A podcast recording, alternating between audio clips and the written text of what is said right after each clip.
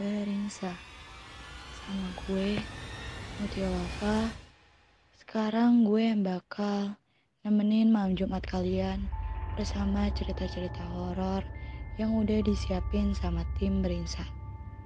Di segmen horor kali ini, gue bakal bacain cerita yang berjudul Hampir Tersesat di Saranjana. Cerita ini merupakan salah satu cerita dari salah satu akun Twitter @kalong. Buat kalian yang gak berani dengerin, jangan dengerin sendirian ya. Untuk kondisi jalan di sana banyak pepohonan dan untungnya kami ke sana naik mobil perusahaan. Sebenarnya lewat luar bisa, tapi memakan waktu yang lebih lama. Akhirnya kami lewat dalam hutan yang lebih cepat. Sesampainya kami senang. Kenapa? Karena ternyata kami dibolehin tinggal di penginapan Bapak Manajer FGS 3. Benar-benar baik orangnya dan keuntungan di sini listrik nyala dari jam 6 sore sampai pagi. Setelah itu baru padam. Hanya saja di sini untuk jaringan jauh lebih susah. Singkat cerita, setelah beberapa hari di kantor, kami diajak sama karyawan kalau di sana ada pasar malam Rabu. Katanya cuma seminggu sekali doang. Ya sudah, yang lain pada setuju karena diajak dan penasaran. Kayak gimana sih? Menjelang maghrib, gerimis tuh. Yang awalnya antusias, entah kenapa aku berharap nggak jadi berangkat. Berharap hujannya lebat biar nggak jadi. Tapi sebelum berangkat ini, feelingku sudah nggak enak banget. Pengennya nggak jadi ikut. Tapi nggak enak juga kalau tiba-tiba bilang begitu sama yang lain. Ya sudah terpaksa dengan keadaan masih gerimis. Kami berangkat. Di perjalanan, jalanannya tuh gelap banget. Penerangan cuma dari motor dan lampu dari rumah warga. Dan itu cuman di awal-awal aja. Setelah itu, rumah penduduk gak ada, alias benar-benar di tengah hutan dan gelap. Pas kami sampai, ternyata banyak yang gak jualan, sepi. Akhirnya kami cuma sebentar dan gak lama. Kami balik pulang melewati rute yang sama. Pas mau pulang, bener-bener makin tambah gak enak feelingku. Tapi aku berusaha nenangin diri. Selama di perjalanan, temanku ngajak bicara terus. Ya, aku jawab iya-iya aja. Terus dalam hati, tiba-tiba kayak ada yang bisikin gitu. Jangan tengok ke atas. Jangan tengok ke atas. Eh, karena penasaran, aku malah nengok ke atas. Set, ada yang terbang di atas.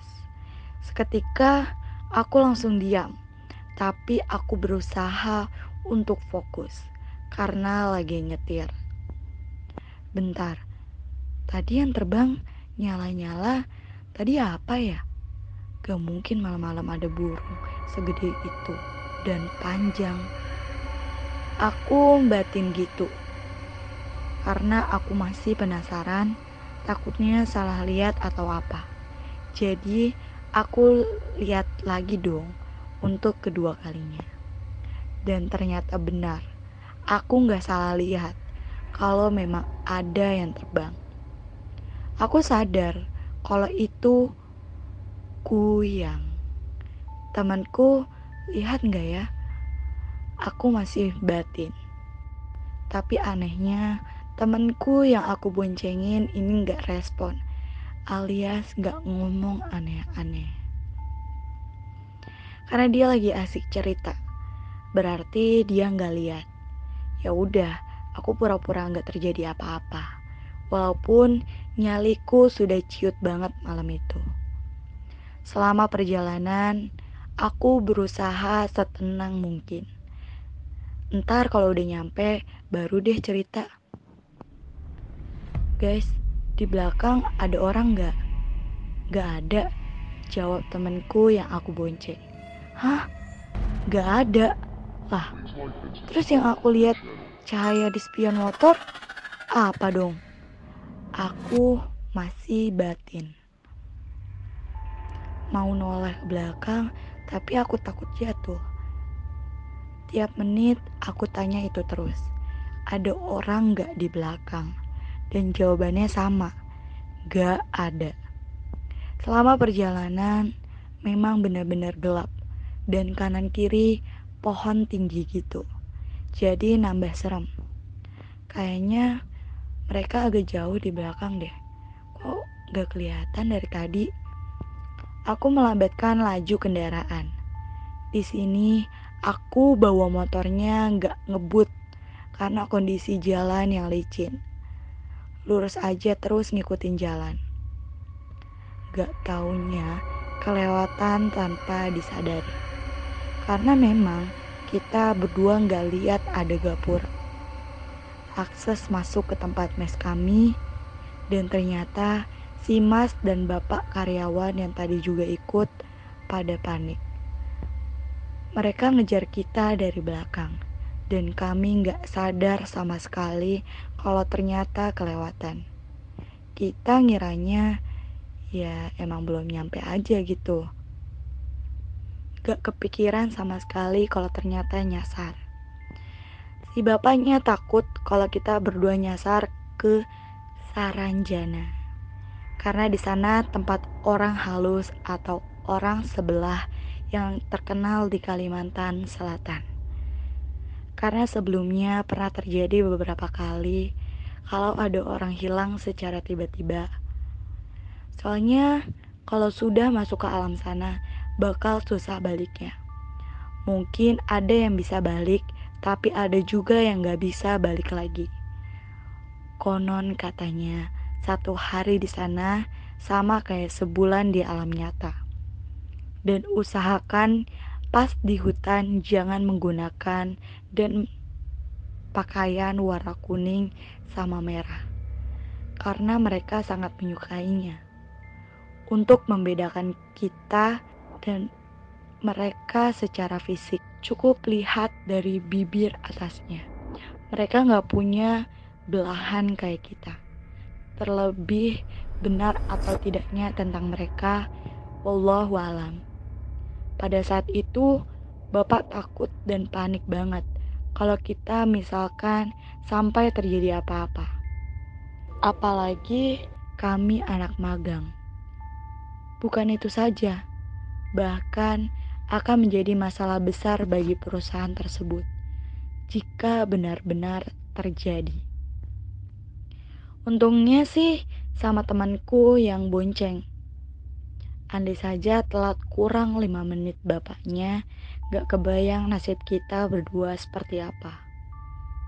Karena di ujung pemukiman itu jarak dari kantor FGS 3 gak jauh dari lokasi Saranjana.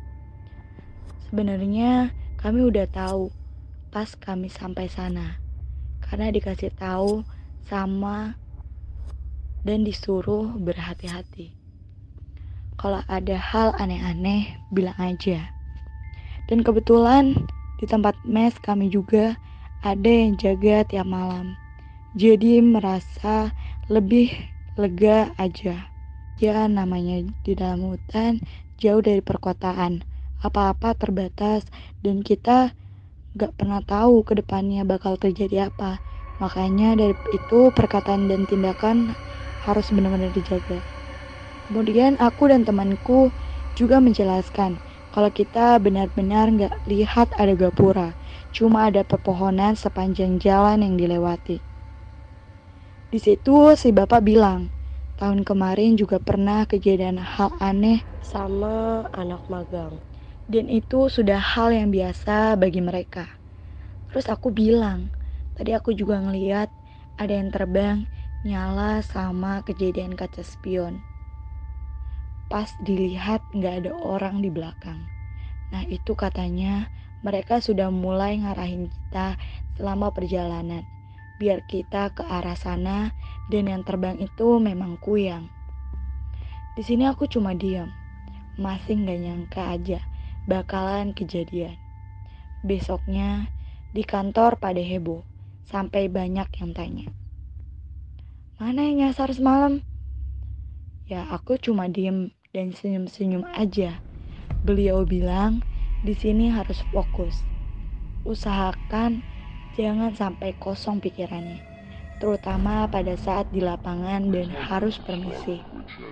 Kemungkinan mereka tertarik sama salah satu dari kelompok kami. Makanya mereka hampir saja membawa kita masuk ke alam mereka. Atas kejadian itu, aku sangat bersyukur tidak terjadi apa-apa. Walaupun aku dan temanku hampir saja tersesat. Semoga aja kita terhindar dari hal-hal yang tidak diinginkan. Dan jangan lupa jaga kesehatan. Salam Rahayu. Oke, segitu aja cerita yang gue bacain. Nanti kita lanjut lagi. Jangan lupa buat dengerin Berinsa terus ya. Kalau kalian ada cerita horor, romance, atau random lainnya, kalian bisa DM di Instagram kita at osis smk bw2. Sampai bertemu di segmen horor selanjutnya. See you!